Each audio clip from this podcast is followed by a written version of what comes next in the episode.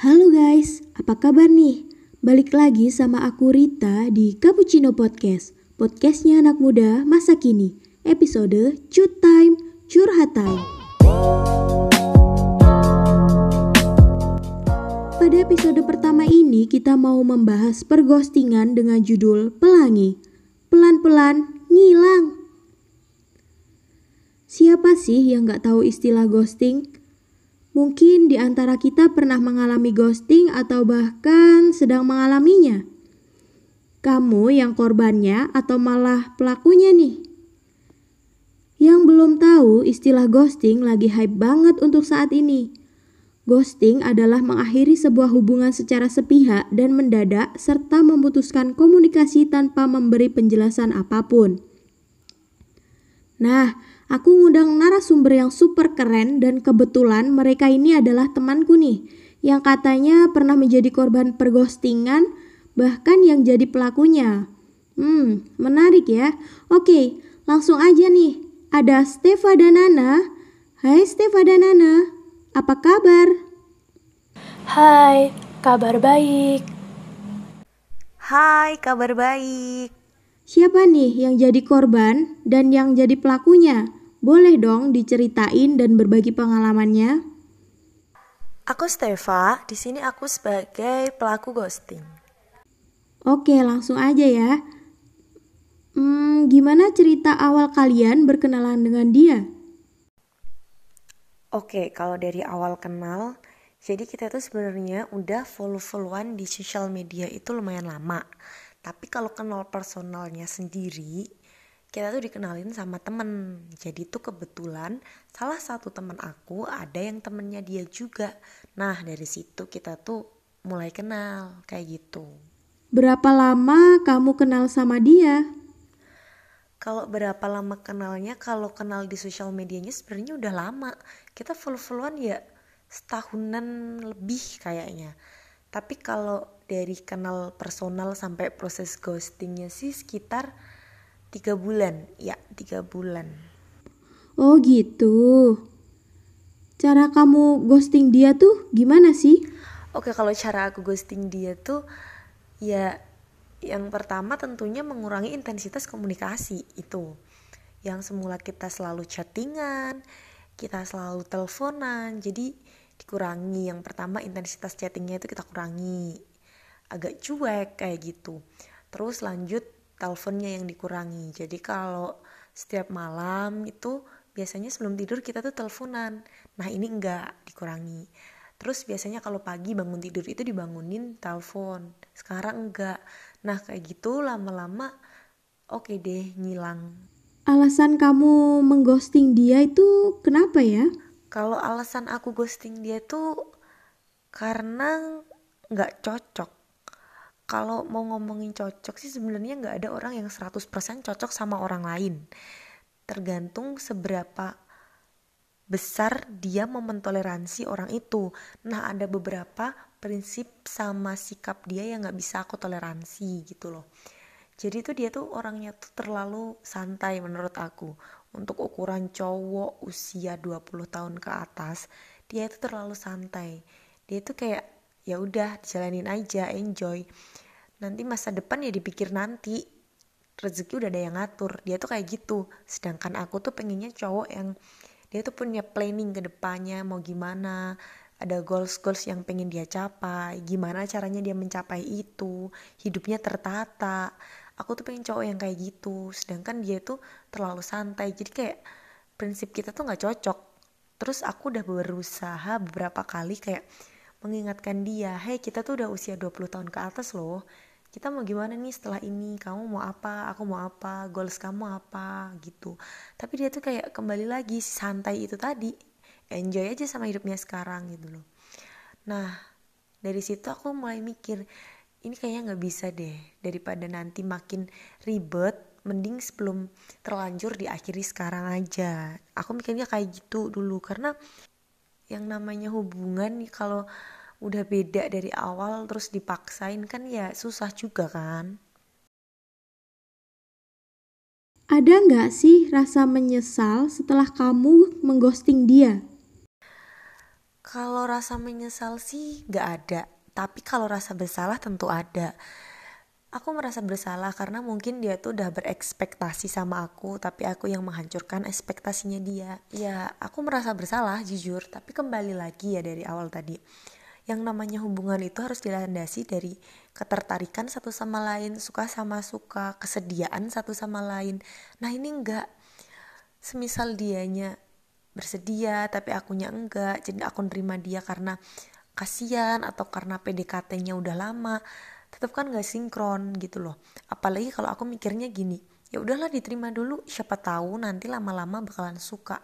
Nah nggak bisa.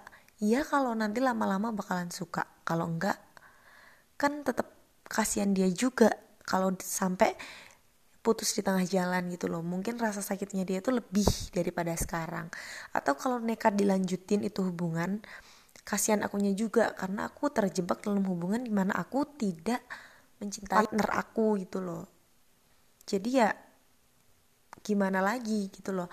Apalagi kalau mau kita omongin baik-baik mungkin banyak yang bertanya-tanya kenapa sih harus di ghosting kenapa nggak diomongin baik-baik? Iya sih tapi gini loh. Aku mikirnya kita itu nggak ada hubungan hubungan yang resmi gitu loh. Nggak ada ikatan. Kalau mau diomongin baik-baik kayak aku nggak bisa lagi sama kamu gini gini gini. Kan creepy ya karena dari awalnya kita nggak ada ikatan kita cuma deket gitu. Lah menurut aku tuh satu-satunya cara itu yaitu ghosting.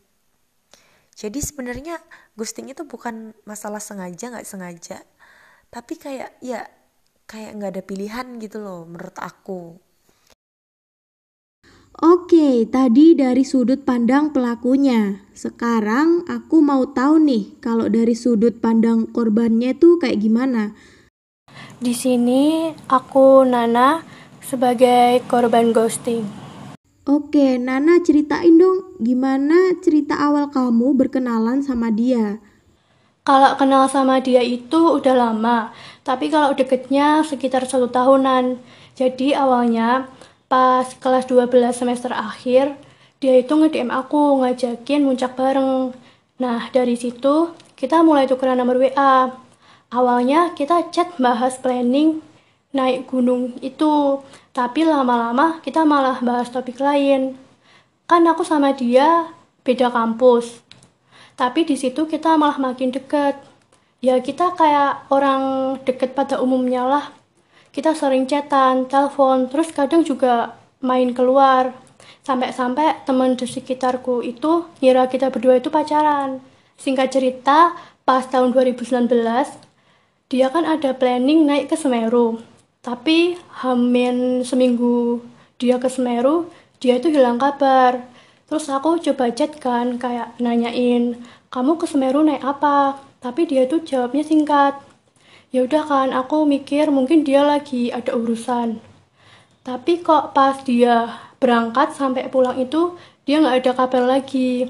Tahu-tahu pas tiga hari setelah itu dia upload foto cewek dan ternyata itu pacarnya. Ya terus aku mikir dong berarti kemarin pas dia ngilang itu dia lagi PDKT sama cewek lain ternyata. Oh gitu.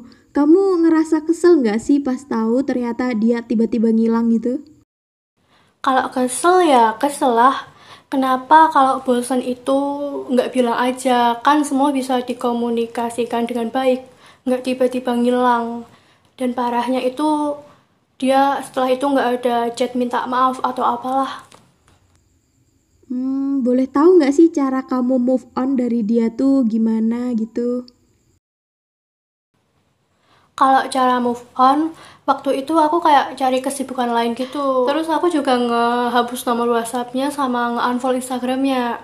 Ya mau gimana lagi ya waktu itu udah males. Walaupun caranya kayak anak SMP sih ada nggak sih pesan dan tips and trick kalian buat para pendengar setia Cappuccino Podcast? pesan buat para pendengar buat cowok nih kalau kalian lagi PDKT itu misalkan kalian ngerasa bosen itu dikomunikasiin baik-baik jangan tiba-tiba ngilang terus kalau buat cewek kita tuh jangan berekspektasi terlalu tinggi kalau realitanya nggak kayak ekspektasi kita itu ya yang sakit kita sendiri Oke, kalau pesan aku buat masalah perghostingan ini, kalau kalian nggak pengen di ghosting, ya udah ghosting duluan. Karena seorang yang mau mengghosting partnernya ini pasti itu nggak langsung ngilang gitu nggak. Mesti biasanya tuh ada dia tuh pelan-pelan berubah jadi bertahap kayak gitu entah itu dari intensitas komunikasinya jadi cuek jadi nggak perhatian atau jadi apa mesti tuh ada perubahannya.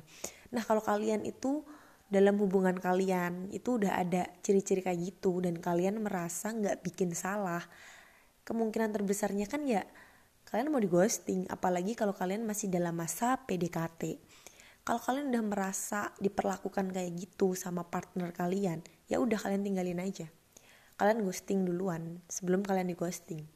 Percaya sama aku, partner kalian ini nanti akan merasa, loh kok jadi dia yang pergi ya?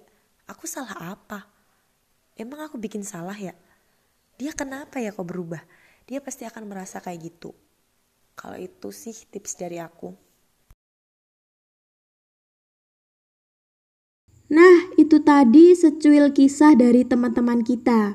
Pengalaman mereka bisa kita jadikan pelajaran biar kita tidak terjebak dalam dunia ghosting. Apa pun alasannya, ghosting sebenarnya bukanlah hal yang baik, sebab bisa memberikan dampak bagi korbannya. Tidak main-main, ghosting bisa memberikan dampak pada psikologi korbannya, seperti perasaan depresi, marah, bingung, hingga merasa tidak diinginkan mungkin akan dialami oleh korban. Intinya, kalau nggak mau di ghosting, ya kita jangan menaruh harapan lebih saat PDKT.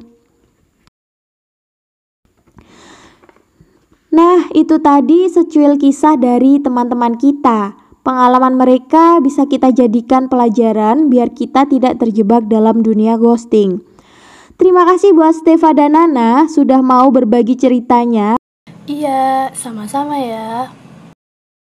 Oke, sama-sama.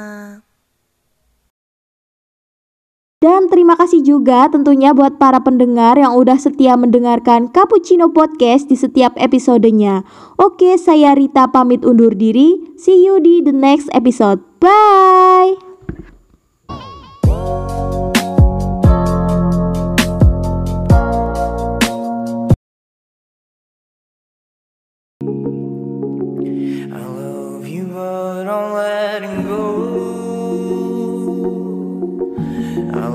you, but I'm letting go.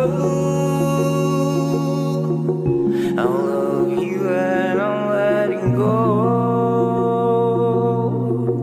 I love you, but I'm letting go.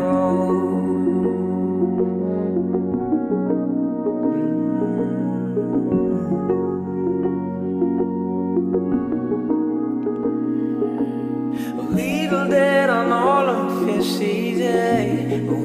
so hard. It was like never enough. I gave you, still you want more. Can't you say, can't you say that you want someone that I know? Yes, I love, but I can't, so I am letting you go now.